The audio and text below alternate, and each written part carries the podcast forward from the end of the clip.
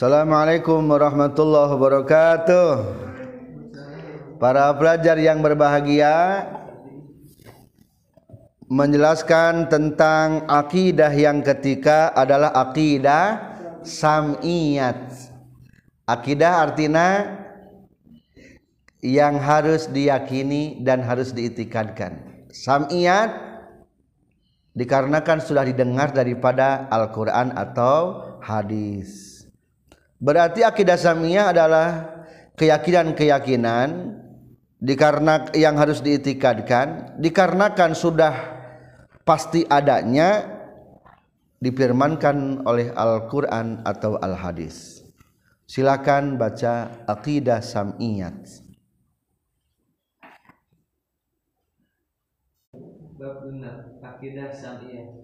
A arti akidah samiyat Akidah artinya sesuatu yang harus dimarifatkan.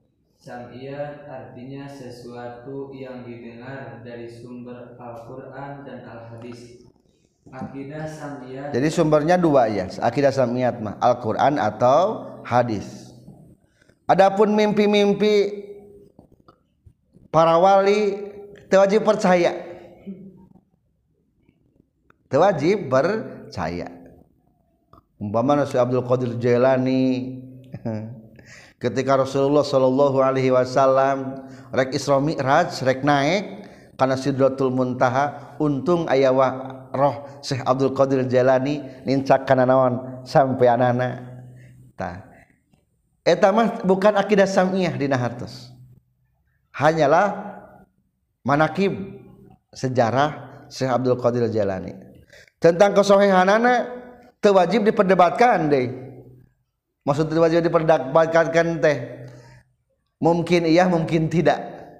Terdosa terpercaya ge. Daya tama lain naon? Lain tina agama. Lain tina agama.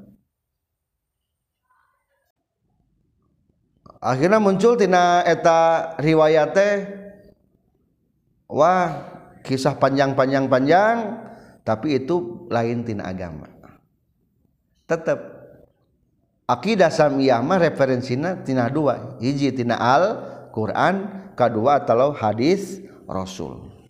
Lanjut. Berbeda dengan akidah uluhiyah dan nabawiyah yang bersumber dari akal dan sesuai dengan Al-Quran dan Al-Hadis sebab keberadaan dua akidah keberadaan dua akidah tersebut adalah wajibul wujud Adapun akidah sam'iyah keberadaannya mungkin wujud atau pendapat akal.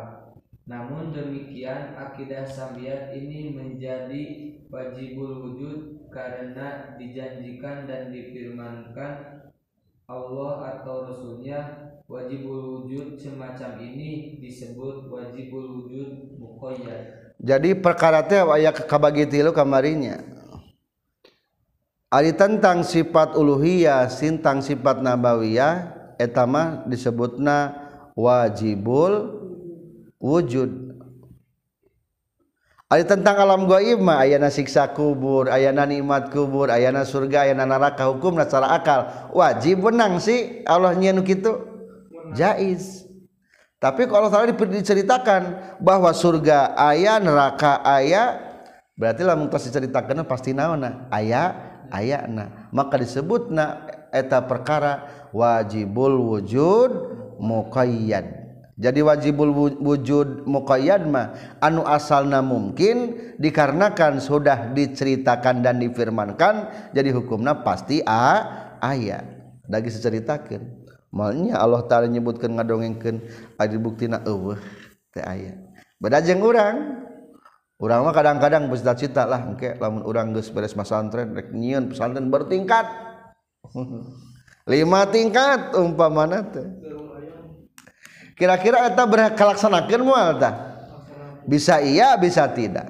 Tapi ketika Allah taala bercerita tentang surga cing eta bisa iya bisa tidak teh?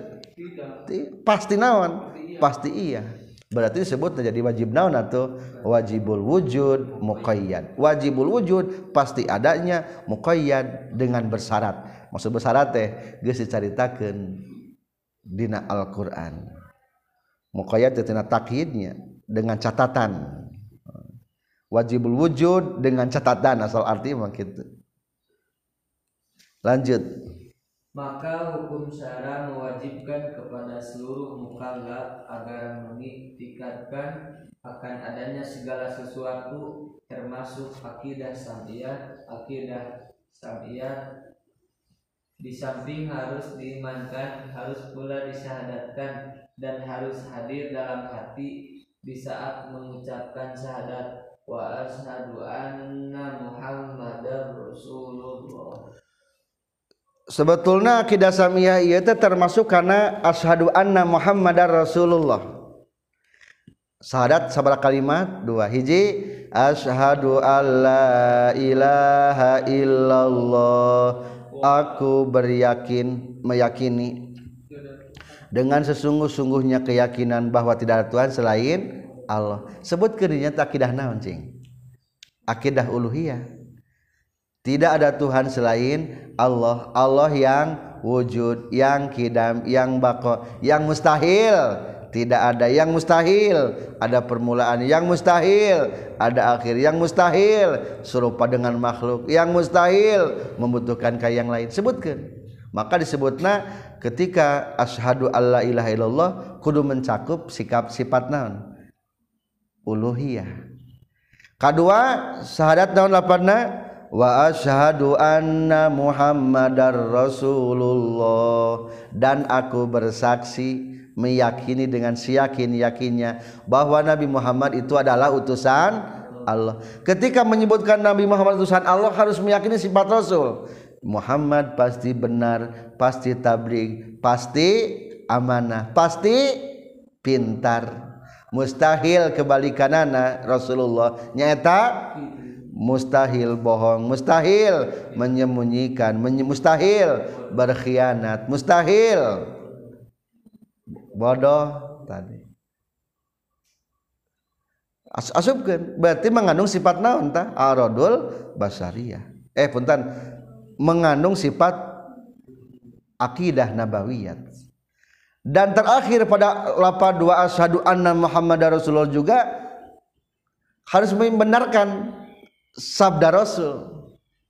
Nu disebut. Nanya tak akidah? Samia Abdi ngayakinkan sadaya cariyosan Rasul pasti bener ayakna seperti mana akidah samia? Terus sebutkan hiji-hiji maka ya sebuah nadoman supaya gampang memudahkan tentang akidah samia yaitu diantaranya Patarosan munkar nakir nikmat kubur siksa kubur kiamat baat kempal di masar hisab mizan sirot talaga syafaat ganjaran siksaan neraka surga langgeng di surga ningali alona aras kursi loh kolam kodo kodar kiramul ibin akidah sam iya sing yakin. Itulah nadoman akidah samia. 23 akidah samia diambil daripada kitab Sulam Taufik juga kita Riyadul Badiah. Selanjutnya tentang akidah samiyah ini kita sebutkan satu persatu secara rinciannya. Lanjut. D yang termasuk akidah samiyah. Yang termasuk akidah samiyah adalah satu bahwa angkatan atau penobatan kerasulan adalah hanya karunia Allah semata yang tidak bisa diusahakan oleh siapa saja, baik dengan cara ibadah, mujasmedi, puasa, dan lain sebagainya. Maka batal pendapat pula sifah yang mengiktikadkan dapat diusahakan dengan cara tersebut tadi. Para pelajar, ada lagi akidah sam'iyah lamun merujuk di nasarah kita Riyadul Badi'ah di halaman pertama-pertama kan membahas tentang sifat-sifat Allah. Di tengahna ayat tawabiul aqaid. Naon cenah tawabiul aqaid.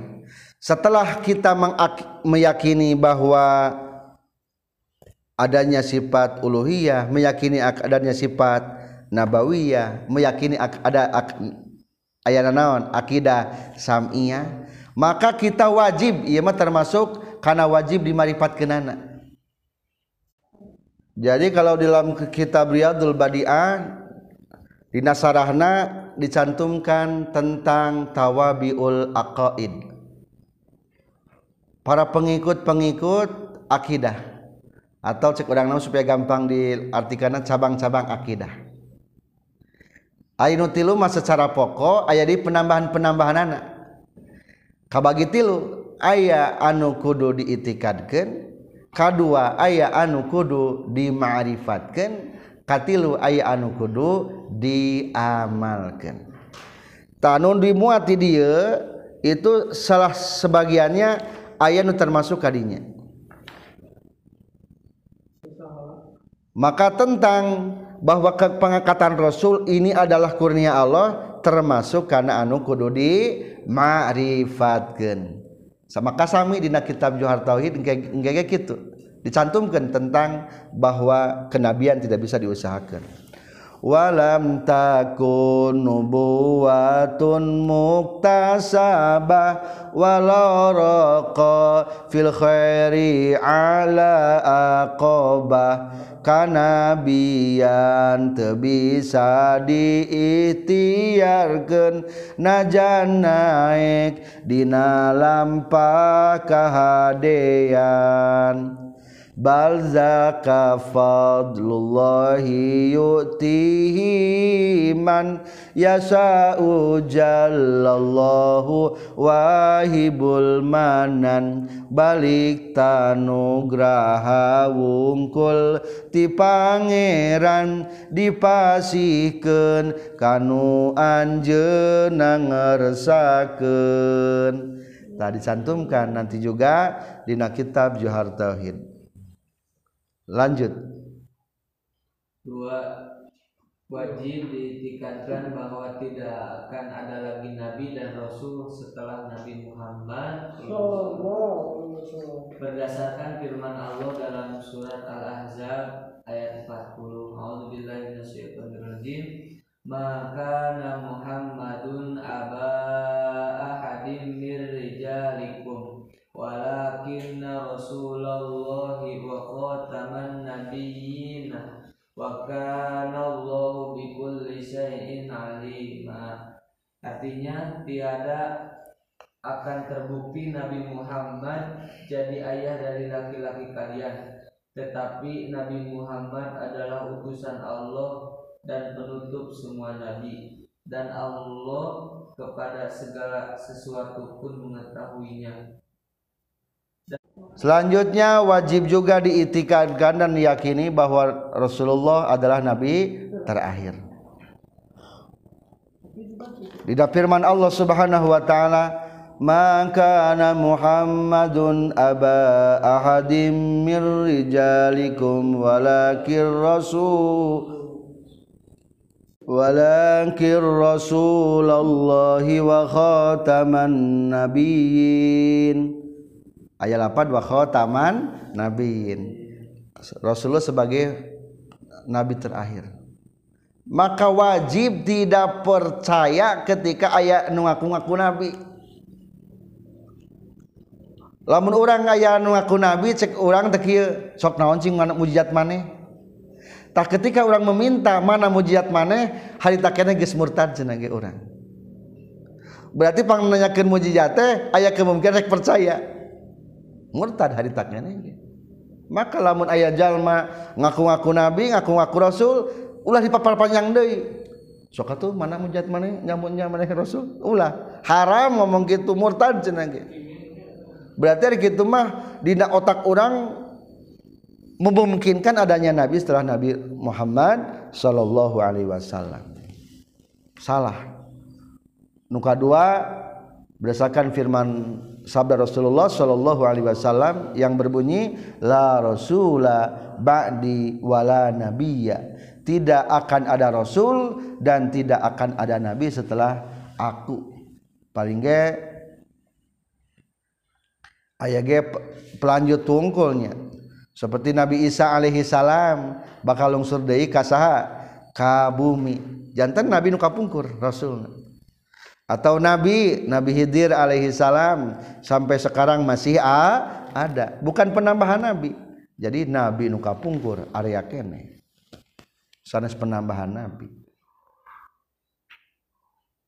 Lanjut. Tiga wajib diiktikadkan bahwa waliullah dan keramatnya ada. Baik hasil usaha pribadinya dengan jalan bertakarrub kepada Allah dan mentaati segala perintah dan menjauhi segala larangan. Maupun langsung karunia iradat Allah seperti diberi ilmu laduni atau muka sapa dapat melihat lauhil mahfud dan sebagainya. Tentang meyakini bahwa waliullah dan karunia itu ada termasuk anu wajib diiktikadkeun dalam artian emang ayahnya umpaman tarolah sebagian kelompok anu nyebutkan tidak percaya sama sekali dengan wali. Matak murtad ari matak murtad mante soalnya tentang keberadaan para wali etama hukumnya sebagai karena tawabiul akidah anu wajib diyakini diitikadkan. Anu wajib diyakini wungkul. Dalam artian konsekuensinya dosa ma dosa ngante matak naon? Kufur beda jeung akidah samiyah seperti kenikmat kubur siksa kubur surga neraka eta mah lamun teu teh naon? Gagal i iman.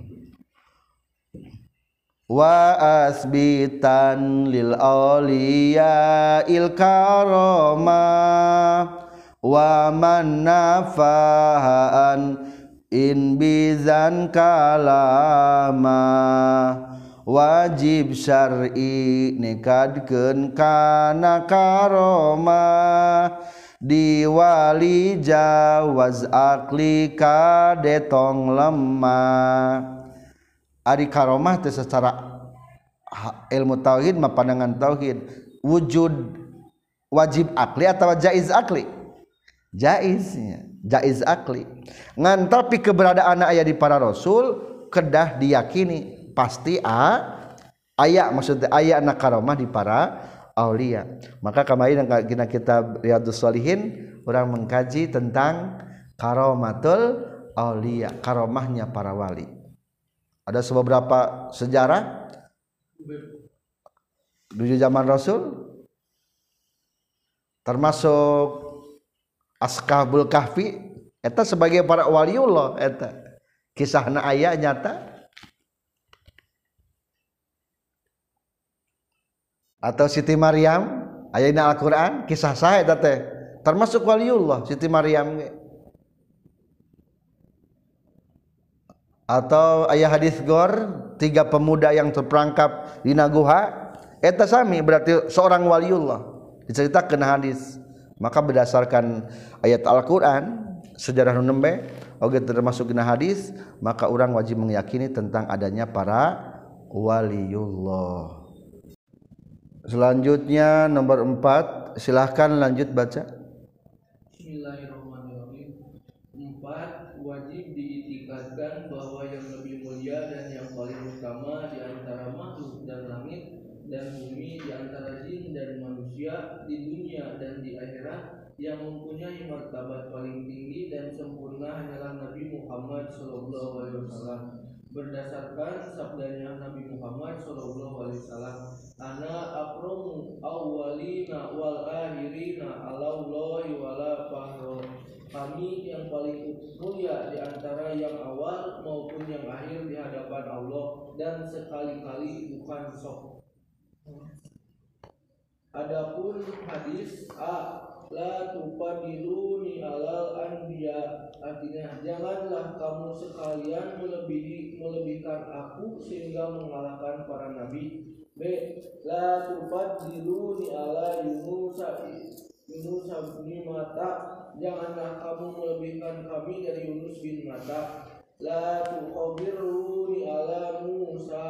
Hadis riwayat Sahih Muslim 354 janganlah kamu sekalian memilihkan kami dan mengalahkan Nabi Musa. Hadis ketiga di atas maksudnya adalah Nabi melarang kepada umatnya agar jangan merendahkan martabat nabi-nabi yang lain. Bukan berarti yang lain di atas beliau sebagaimana hadis pertama di atas. Di terasna wajib mengitikadkan manusia termulia makhluk termulia. Nyaeta saha Nabi Muhammad sallallahu alaihi wasallam.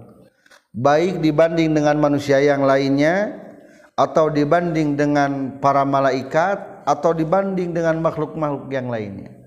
Tetap pang Abdullah sah Nabi Muhammad sallallahu alaihi wasallam. Jangan ragu. Umpamanya kita ragu berarti lah kita ragu hukumnya berdosa.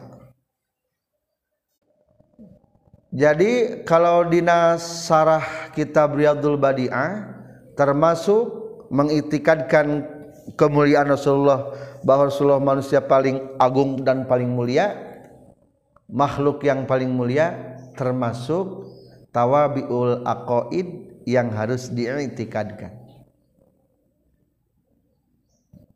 harus diitikadkan. Lamun itu. Tidak meyakini bahwa Rasulullah paling mulia di antara makhluk Allah maka hukumnya berdo berdosa. Berdasarkan sabda Rasulullah sallallahu alaihi wasallam yang berbunyi ana akramul awwalina wal akhirina 'ala Allahi wala fakhra. Ana ari kaula akramul awwalin eta pangmuliana jalmi-jalmi anu terdahulu. Jadi lamun dibandingkan yang umat-umat yang lebih dahulu, aku adalah yang paling mulia. Wal akhirin dan umat-umat yang belakangan dibanding yang umat terakhir ge tetap Rasulullah pangnauna pangmuliana. Di hadapan sah Allahi di hadapan al Allah wala fakhra dan bukan berarti aku sombong. Bukan berarti aku sok.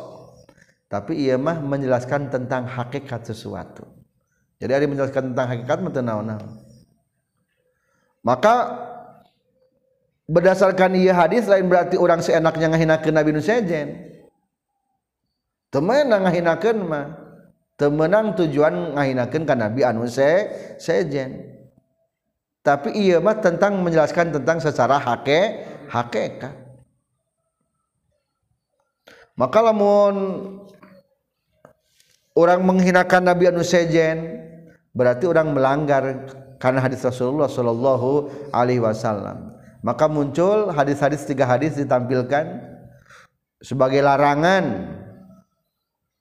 Bukan berarti sabda Rasulullah anu nembete dijadikan alat untuk menghinakan nabi yang lainnya maka sabda Rasulullah la tufaddiluni alal anbiya jangan kau agung-agungkan aku mengalahkan kepada nabi-nabi yang lainnya Dina hartos ari Rasulullah diangkat yang nabi yang lain direndahkan. Teu meunang oge kitu. Dan tadi mah menjelaskan tentang hake hakikat. Atau dari hadis la tufaddiluni ala Yunus bin Mata. Jangan melebihkan aku mengalahkan kepada Nabi Yunus bin Mata alaihi salam.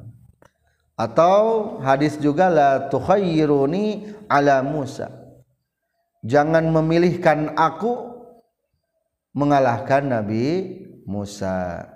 Jadi simpulnya tina hadis anu nembe jelas bahwa satu sabda Rasulullah Rasulullah ada makhluk-makhluk yang paling mulia dan yang lainnya tapi bukan berarti jangan bukan berarti menghinakan yang lainnya Ia mah ngajelaskan tentang hakik hakikat makhluk yang paling mulia adalah Rasulullah. Lanjut. Lima. Wajib dimarifatkan bahwa Nabi mempunyai mujizat sebagai karunia dari Allah Subhanahu wa taala. Selanjutnya adalah meyakini adanya mukjizat. Mukjizatnya ayat ayat. Tawajib ditingkatkan ayat mukjizat. Kasar dipastikan mukjizat? Kapara rasul. Termasuk karena tawabiul aqaid anu kudu diiktikadkan. Maksud tawabiul aqaid nu kudu diiktikadkan teh lamun terpercaya teh sebatas ngan dosa unggul tapi tercoplok iman. Ngan lamun ayat istilah wajib dima'rifatkan berarti lamun te diitikadkan hukumna coplok iman ragrag iman. Diganti ke kebalikannya berarti naudzubillah kafir disebut. Lanjut. Genap bahwa yang khusus ada pada Nabi Muhammad SAW di antaranya adalah adanya Al-Quran memanggil bulan dan belah menjadi dua itu bulan. Kayu dan batu membaca salam kepada Nabi memasukkan biji mata kotada radhiyallahu anhu yang keluar dari kelopaknya pada waktu terpanah di perang Uhud. Tidak membacakan taib di hadapan Nabi dan disaksikan para sahabat dan menangisi pohon korma bekas mimbar Nabi karena diganti oleh kayu lain dan baru berhenti menangisinya setelah dijanjikan oleh Nabi bahwa pohon tersebut akan tumbuh lagi di surga dan dijadikan korma makanan para Nabi. Yang keenam berarti ia di antara mujizat dipastikan ke Rasulullah Shallallahu Alaihi Wasallam di antaranya Rasulullah memanggil bulan dan bulan terbelah menjadi dua bagian. Tentang bulan terbelah ini diceritakan dalam surat Al-Qamar. Iqtarabatis sa'atu wa syaqqal qamar. Sudah dekat terjadinya kiamat. Wa syaqqal qamar. Bulan pun terbe terbelah. Wa iyarau ayatan yuridu wa yaqulu sihrum mustamir. Ketika orang-orang kafir Quraisy semakin tidak percaya tentang kenabian semakin tidak percaya tentang bahwa Nabi Muhammad sebagai rasul akhirnya nantang.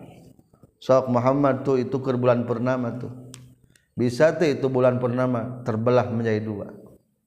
Akhirnya Rasulullah Shallallahu Alaihi Wasallam naik ke gunung Jabal Abi Kubes Abal Abi Kubes teh kakina anu air bukit sopa. Tabuki sopa teh termasuk kaki Jabal Abi Kubes berarti sekitar itu.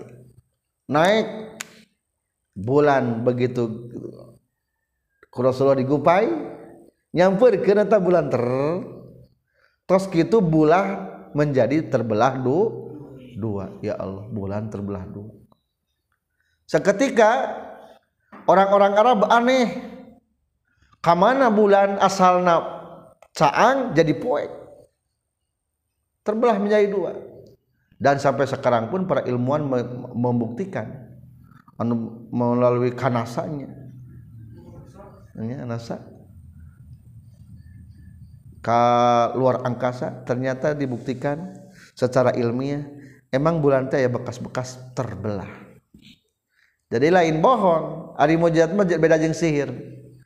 Ari sihir mah kadang-kadang pilamuran matana dibalikeun nya padahal mah hente tapi sekarang bukti bulan terbelah ayat tepak-tepak pecah berarti eta mah lain sihir. Nya bener aya tah eta termasuk mujizat Rasulullah sallallahu alaihi wasallam.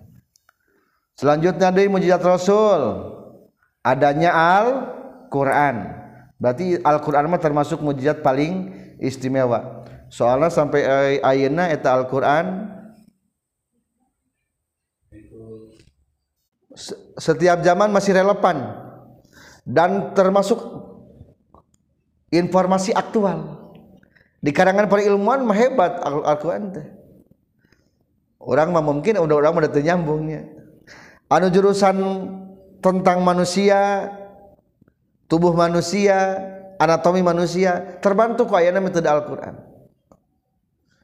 Anu tu jurusanana tentang astronomi bumi bulan bintang terbantu adanya dengan Al-Qur'an. Teori-teori nanti Al-Qur'an kabantu mungkin yang orang mau nyambung tapi itulah fakta. Atau menunggu menggali kesehatan pasti kesehatan hebatnya kumadasatna Al-Qur'an. Tentang menginformasikan tentang kesehatan. Atau sanes-sanes deui. Selanjutnya naon kayu dan batu membacakan salam nah sejarah aya tatangkalan uluk salam mega boda sok mayungan. Jeung ayat capka nabian dina salirana pisan. Tatangkalannya lampirkeun ka Rasulullah. Pernah eta kotadah nuju perang Uhud kapanah? Eta socana ragrag nepi kana ngambai karena pipi akhirnya Rasul dicepeng tret diasupkeun deui. Akhirnya eta secara kotada jadi soca pangcaangna teu pernah pernah terkena penyakit mata. Soca kotada berarti berkah mujizat Rasulullah sallallahu alaihi wasallam. Kidang membacakan syahadat di hadapan para nabi. Ayat mimbar.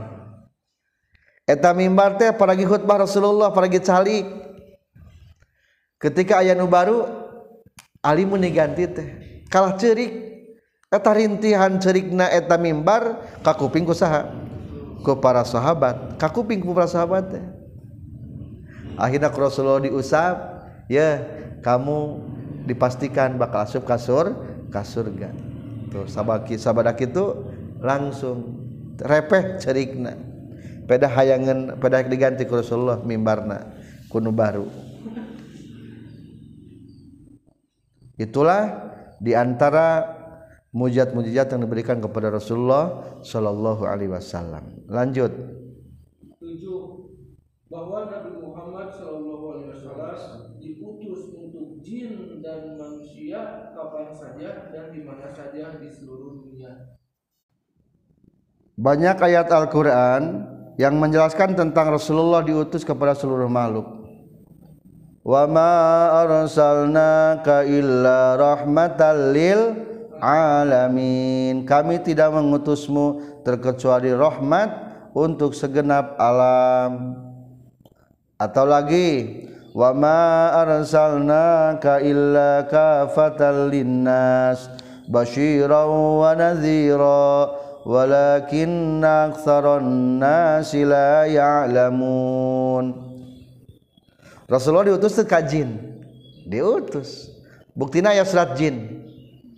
Surat jin itu menceritakan jin anu ariman ka Rasulullah sallallahu alaihi wasallam.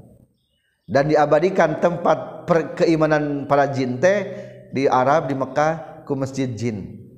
Itu sejarah di mana jin mendengarkan bacaan Al-Quran ti Rasulullah Sallallahu Alaihi Wasallam akhirnya iman. Rasulullah dakwah ke malaikat. Ari malaikat pada geus ari iman. Tapi ketika Isra Mi'raj Rasulullah melewati alam-alam naon? Malakut.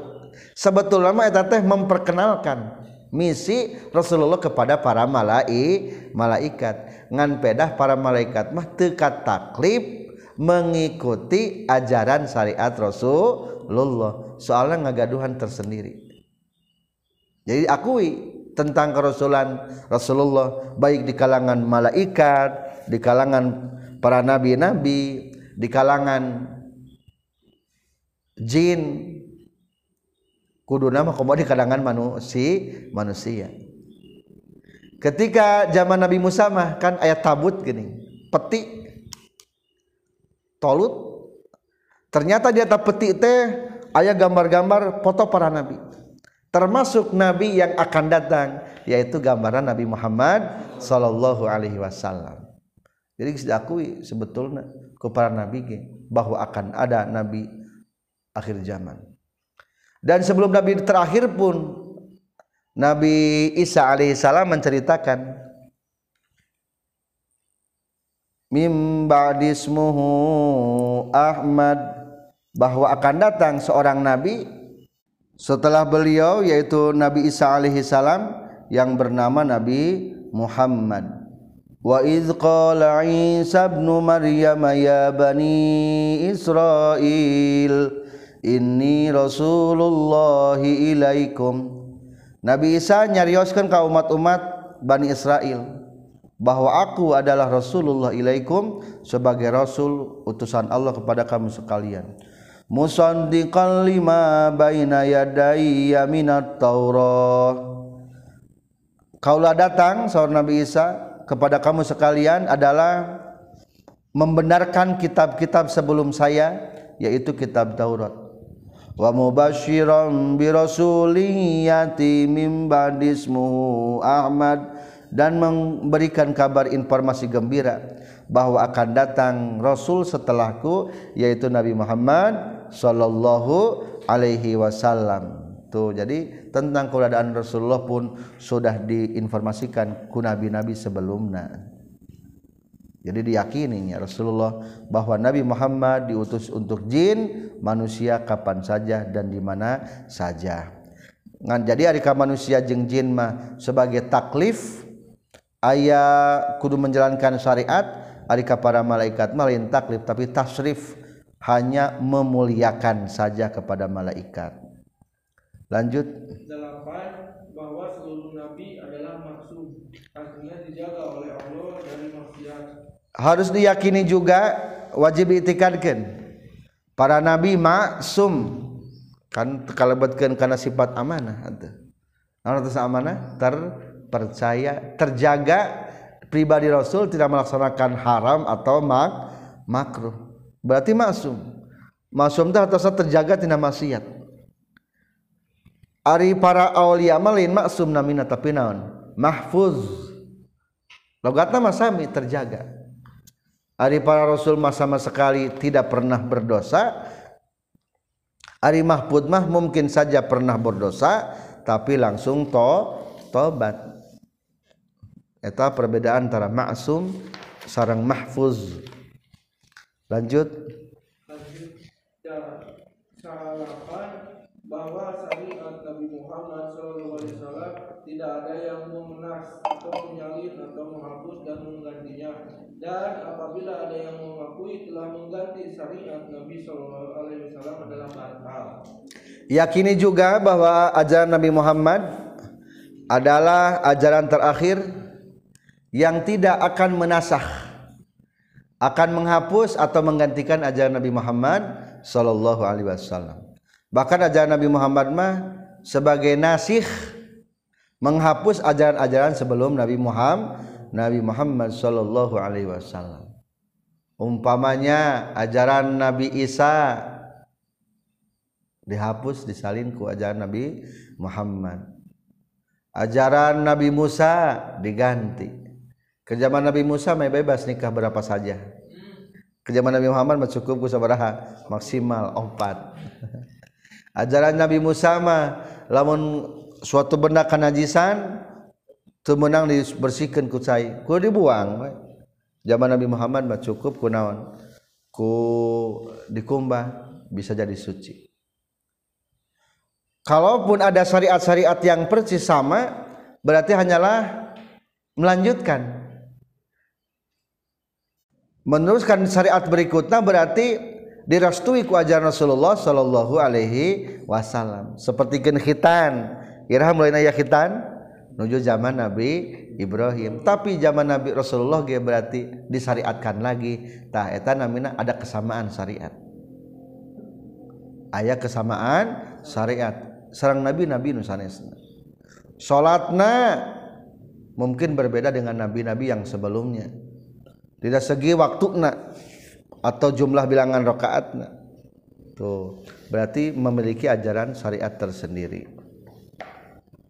Nuju zaman Nabi Sulaiman alaihi salam menang ngadamal patung. Maka para jin jin ku Nabi Sulaiman dipirang mengadamal patung. Ngadamal masjid-masjid. Ke waktu hari tamat tenaonan ngadamal patung ngan setelah ngadamel patung lamun ayah orang hebat mulia istimewa dibikin patung ke zaman harita Ari barangan Nabi Sulaiman ngantunkan ternyata patung-patung itu dipakai penyembahan. Soalnya orang-orang hebat. Umpama zaman ayahnya kan ayah patung Soekarno teh patung Soeharto. Kalau jadi penyembahan. Akhirnya atas gitu diharamkan di zaman Rasulullah Shallallahu Alaihi Wasallam. Sahajal manu bikin patung ada mal patung maka bakal disuruh supaya miwarang pangnyawaan kan bukan hanya sekedar patung bahkan zaman Rasulullah mah tapi menggambar pun hukum naha haram menggambar yang bernyawa. Tuh syariatnya berarti berbedanya dengan nabi-nabi yang sebelumnya. Ya Rasulullah mau pernah diganti deh ajaran meskipun ke Nabi Isa sumping tapi Nabi Isa melanjutkan ajaran syariat Rasulullah Shallallahu Alaihi Wasallam. Pangpayuna Nabi Isa lungsur ke bumi nyata langsung Nabi Isa berkunjung hela berziarah ke makam Rasulullah Shallallahu Alaihi Wasallam. Lanjut. 10 wajib dimarifatkan bahwa intersarikat Nabi Muhammad SAW ada yang dinas oleh syariat Nabi Muhammad SAW. Dina ajaran Nabi Muhammad pun ayah yang dalam intern ayah no dinasah. Contoh seperti kan minum arak. Ker pertama Rasulullah dakwah masih kira dibolehkan minum a arak. Ketika di Mekah masih kira diharamkan minum arak. Tapi ketika di Madinah maka minum arak hukumnya diharamkan. Berarti dinasah. Ker pertama Islam lahir tentang ziarah dilarang. Kuntu nahaitukum an ziyaratil kubur. Tapi setelah Islamnya kuat, para sahabat imannya kuat, akhirnya Rasulullah memerintahkan fazuruha. Silakan sekarang untuk berjarah ke naon-naon. Dages yakin para sahabat tentang kewahdaniatan Allah. Contoh dari tentang kawin mut'ah, kawin kontrak, kawin kontrak kontrak sabulanan dua bulanan. Kapungkur memenang ayo nama teke tekenging ayah paham-paham. Namanya teh? Orang-orang Syiah masih kira melegalkan kontrak, kawin kontrak berarti eta mah kade. Eta mah paham Syiah contoh umpamanya lo banyak orang-orang Timur Tengah anu berkunjung ke Indonesia umpamanya ke Bogor ke Puncak gitu aya nu ngajak kawin kontrak tak berarti eta salah ajaran padahal sudah dinasah eta. Lanjut. 11 wajib dimarifatkan bahwa Nabi Muhammad SAW telah diisrokan dan dimi'rajkan dari Masjidil Haram ke Masjidil Aqsa dan dari alam nasut sampai malakut sampai ke alam jabarut alam kebesaran Allah dan termasuk orang fasik, orang yang tidak percaya atau iman akan dimirajkan Nabi dari Masjidil Haram ke Masjidil Aqsa. Jadi beda hukum antara terpercaya Isra jeung terpercaya Mi'raj. Kalau Isra termasuk ke hal anu kudu dima'rifatkeun. Soalnya berdasarkan firman Allah kumaha? Subhanallazi asra bi 'abdihi lailam minal masjidil haram ilal masjidil aqsa. Aya kata Isra, asra berarti ada Isra. Hukumna kafir lamun jalma teu percaya kana Israna Rasulullah sallallahu alaihi wasallam. Soalnya geus aya bahasa asra berarti Isra Rasulullah. Tapi berbeda dengan Mi'raj. Ari Mi'raj mah teu aya nu langsung nas Al-Qur'an tentang Mi'raj. Aya ge tina hadis bahwa Rasulullah naik ke langit sampai ke surga. Berarti mafhum tina hadis eta. Atau ayat Al-Qur'an di surat An-Najm. Diceritakan tentang surat An-Najm Wan najmi iza hawa ma dhalla sahibukum wa ma ghawa wa ma yantiqu 'anil hawa in huwa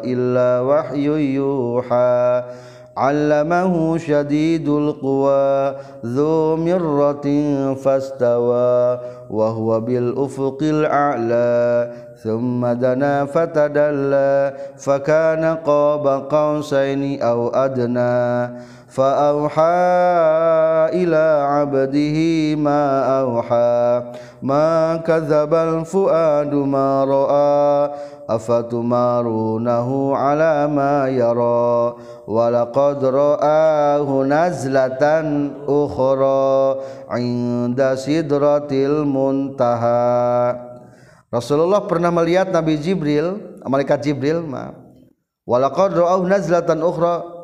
Pada suatu kali inda sidratil muntaha di dekat sidratul muntaha. Berarti mafhumna Rasulullah pernah sampai ke sidratul muntaha. Tapi na ayat Al-Qur'an tanya kata arojanya.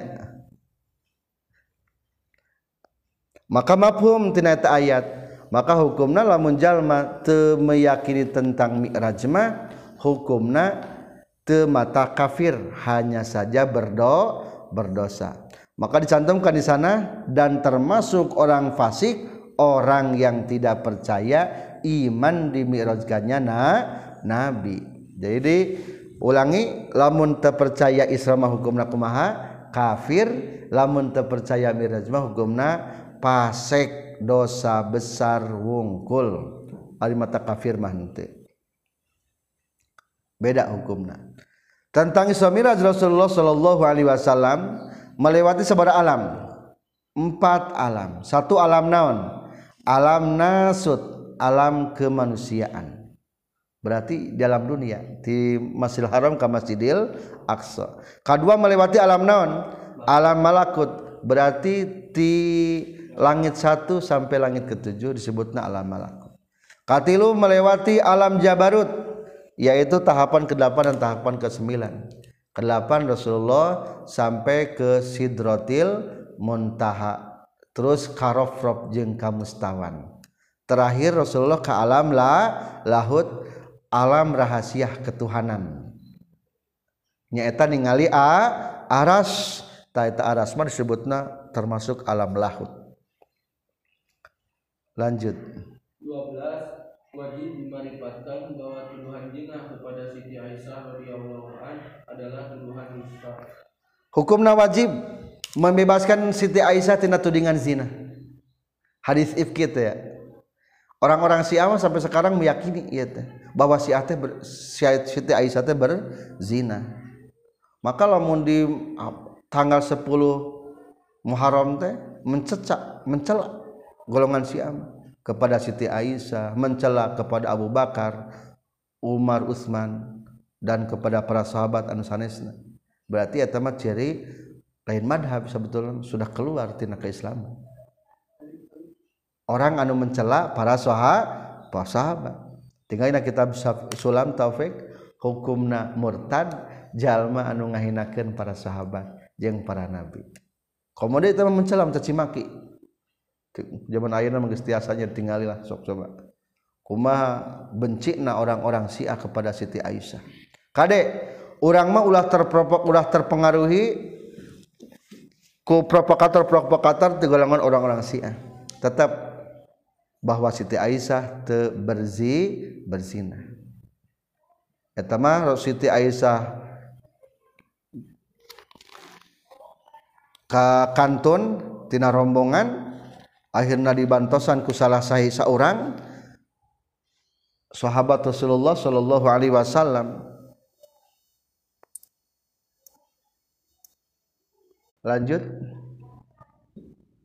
13 wajib dimarifatkan bahwa yang termulia di antara umat Nabi Muhammad Wasallam adalah para sahabat kemudian generasi para tabiin dan kemudian tabiin tabiin sahabat yang paling utama satu Abu Bakar As-Siddiq yang memegang tapu pimpinan pengganti Nabi Muhammad SAW selama dua tahun tiga bulan sepuluh hari. Yang kedua Umar bin Khattab radhiyallahu an yang menjadi khalifah selama 10 tahun 6 bulan 8 hari. Yang ketiga Utsman bin Affan radhiyallahu an yang menjadikan khalifah selama 11 tahun 11 bulan 9 hari. Yang keempat Ali bin Abi Thalib radhiyallahu anhu yang menjadikan khalifah selama 4 tahun 8 bulan 7 hari. Setelah khalifah yang keempat susunan sahabat-sahabat termulia jadi wajib diyakini bahwa generasi termulia adalah generasi para soha sahabat. Meskipun dibandingkan dengan yang lainnya. Jeung umat-umat baheula lagi mulia kene generasi para sahabat. Berarti orang berbahagianya. Lahir di generasi umat Rasulullah Shallallahu Alaihi Wasallam.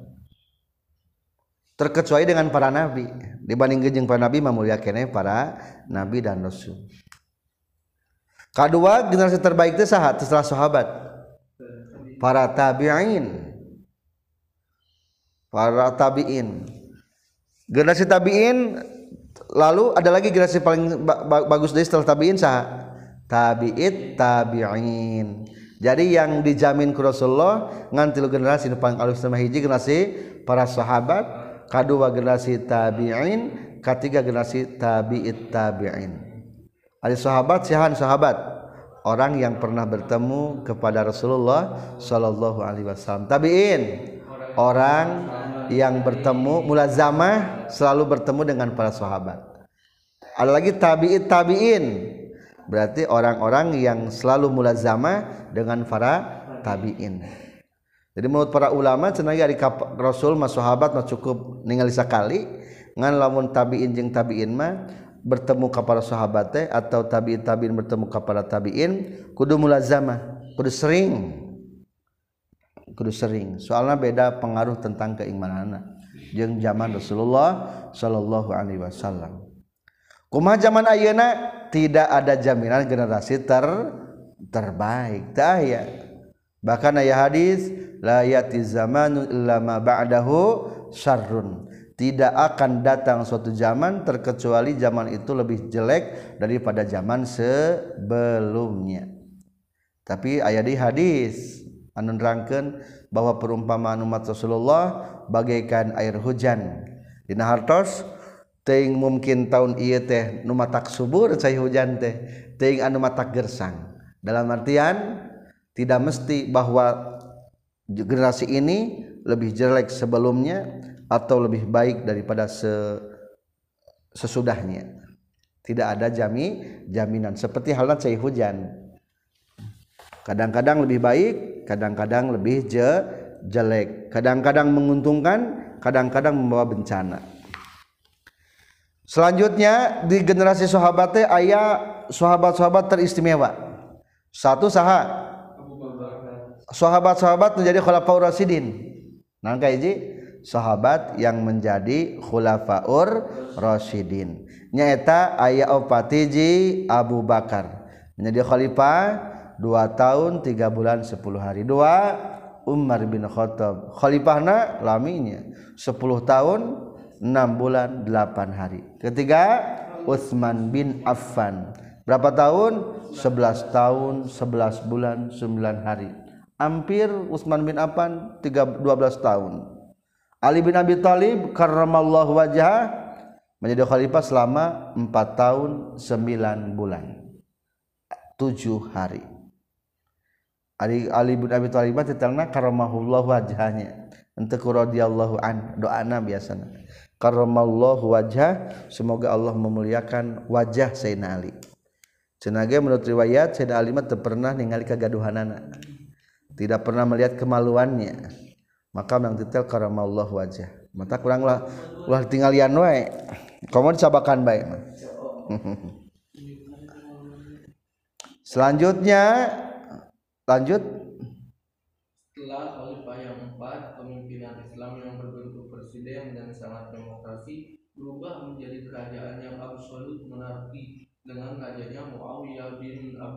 Sufyan. Adapun Said Hasan bin Ali radhiyallahu an hanya beberapa hari saja ia menjadi khalifah sepeninggalan Ali. Yang paling mulia kedua setelah keempat sahabat khalifah Rasidin adalah sahabat yang termasuk Kiromul Baroh yaitu Sa'ad bin Abi Waqqas Jubair bin Awam, Talha bin Abdullah, Sa'ad bin Zaid, Abdurrahman bin Auf, Abu Ubaidillah, Umar bin Jahroh. Martabat ketiga para sahabat yang ikut dalam perang Badar sebanyak 317 orang. Kemudian para sahabat Jadi derajat yang kedua setelah golongan khulafaur rasyidin adalah para sahabat-sahabat yang mendapatkan titel naon? Kiromil baroroh. Orang-orang yang mulia dan orang-orang yang baik. Sahabat sadayana. Ayat lima sahabat. Satu Sa'ad bin Abi Waqqas Zubair bin Awam Tolhah bin Zaid Sa'ad bin Zaid Tolhah bin Abdullah Sa'ad bin Zaid Abdurrahman bin Auf Abu Ubaidillah atau Amir bin Zahra. Enam para sahabat. Berarti kita menduduki generasi atau level kedua sahabat paling mulia. Santosna eta aya deui sahabat di urutan ketiga yang termulia saha lanjut Martabat ketiga adalah para sahabat yang ikut dalam perang Badar sebanyak 317 orang. Kemudian para sahabat yang ikut perang Uhud. Kemudian ahlu baitul ridwan sebanyak 1400 orang, yaitu rombongan yang bermaksud melakukan umroh ke Baitullah dan dihadang oleh musyrikin Quraisy. Lantas Rasulullah Shallallahu Alaihi Wasallam mengadakan mubayyah perjanjian kepada para sahabat setelah mendengar bahwa utusan mereka Utsman bin Affan dibunuh, mubayyah tersebut dinamakan Baitul Ridwan karena firman Allah dalam surat Al-Fat ayat 18.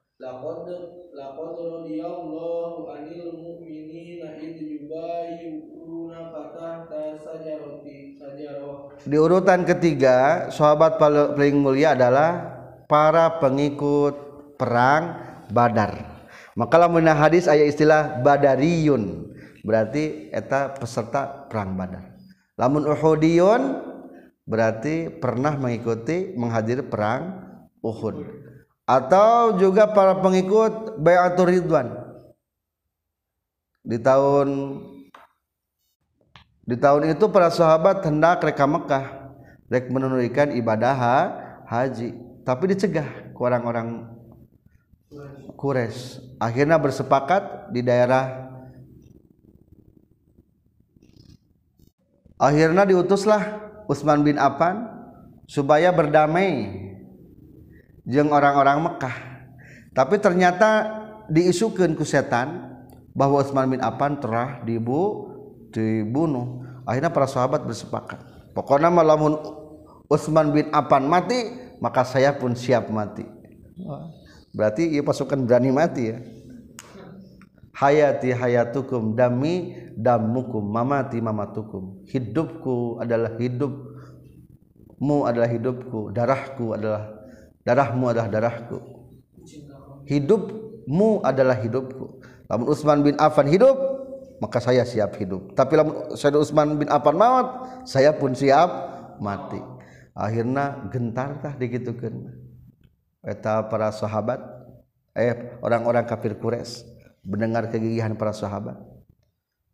Laqad radiyallahu 'anil mu'minina iz yubayyi'unaka tahta syajarah Allah meridhoi kepada orang-orang yang mukmin yang berbeat kepada Rasulullah bahwa siap satu jiwanya. Maka eta perjanjian disebutnya perjanjian bayatur ridwan. Beat perjanjian yang penuh keridhaan berarti termasuk level sahabat termulia di level ketiga para peserta pengikut perang Badar eh maaf Bayatul Ridwan sebanyak 1400 lanjut Isi mubayah tersebut antara lain satu tidak akan mundur sejengkal tanah pun menghadapi kaum musyrikin. Inilah isinya. Lanjut. Dua, berani maju, maju terus pantang mundur tiga hidup satu hidup semua mati satu mati semua. Hmm. ikrar mereka hayati hayatukum mamati mamatukum wadam bidam mamakum darahku darahmu hidupku hidupmu dan matiku adalah kematianmu. Itulah tadi sudah selesaikan. Lanjut. Kemudian ini mereka terjadi pula perjanjian Hudaybiyah dengan musyrikin yang isinya antara lain. Satu berarti eta kejadian Ridwan di daerah Hudaybiyah di tahun ke-6 Hijriah.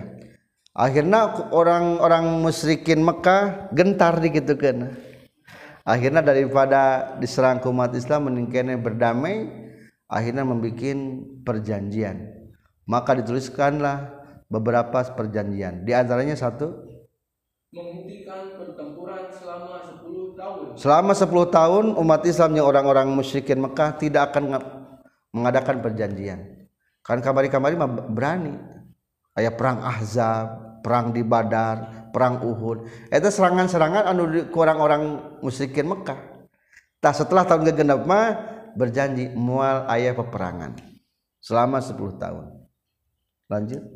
Mukminin pada tahun ini harus pulang ke Madinah dan tahun berikutnya diperbolehkan melaksanakan umroh. Nah, itu kedua wayahana tahun ke-6 harita dijegal jangan dilanjutkan. Kembali lagi.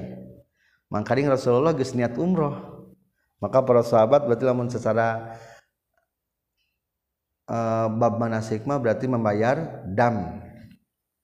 Dam hisor karena katingkar ku musuh tetulus melanjutkan pekerjaan. Menyembelih minimal satu dom domba dam ihsor.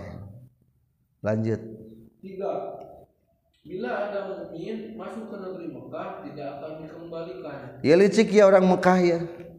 Lamun orang kafir mukmin asup ke Mekah maka mau dikeraunkan mau dikembalikan ke Madinah.